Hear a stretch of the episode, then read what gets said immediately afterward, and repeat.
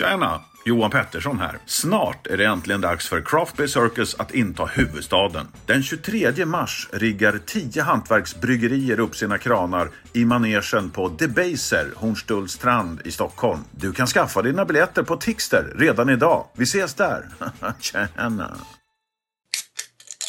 Ölvärldens Julkalender! lucka nummer fem, Mikael. Och eh, vi har fått en burk framför oss som vi ska prova tillsammans med lyssnarna här idag. Och den heter Berry Christmas. Behöver jag liksom säga att jag gillar det namnet, eller? Beery Christmas. Ja. Det är Ja. ja. fantastiskt. Är det den, den lättaste ölen sett till alkoholmängd eh, vi har, vi har kommit till än så länge?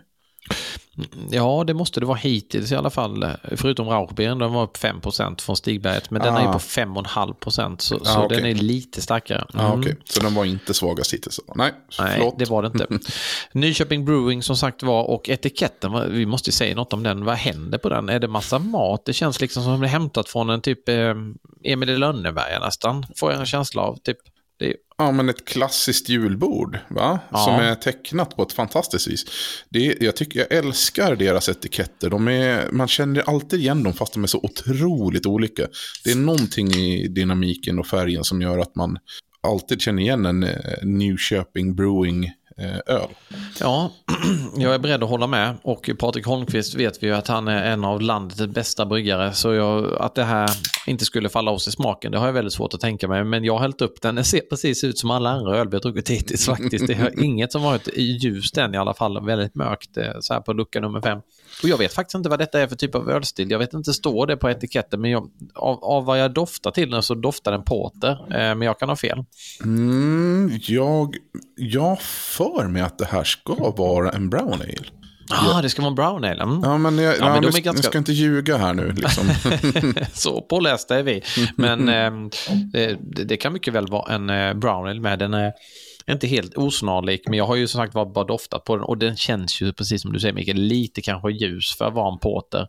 Men, eh, mm, eller är det bara någon typ av ale helt enkelt? Nej, nej, men en port, alltså den har, den har, jag tycker ändå att den har eh, rätt färg för att det skulle kunna vara en ljusare porter. Den, den skulle nog kunna klassas in där någonstans ändå faktiskt.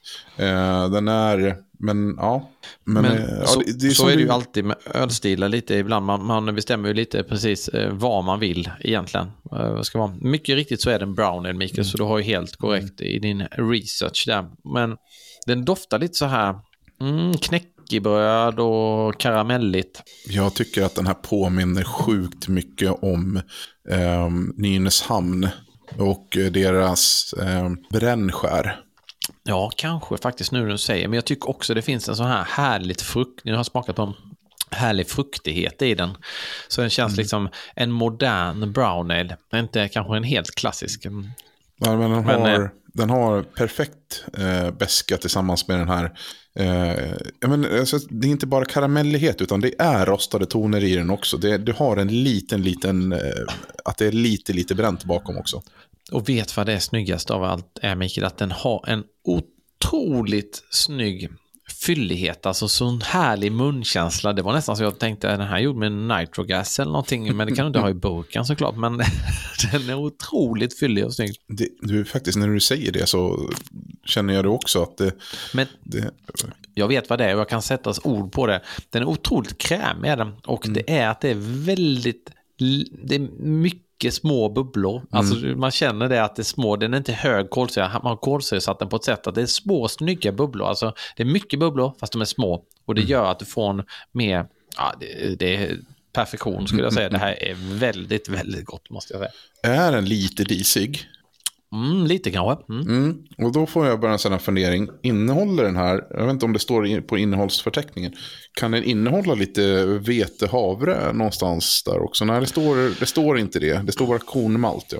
Nej, och det, det kan vi veta att hade det innehållit det så hade det stått det på burken. Det måste ju göra liksom. Ja, för det är väl krav då. en allergen va? Så att, eh, Ja, den här kan ju gå åt på ljudbordet kan man ju tänka sig ändå.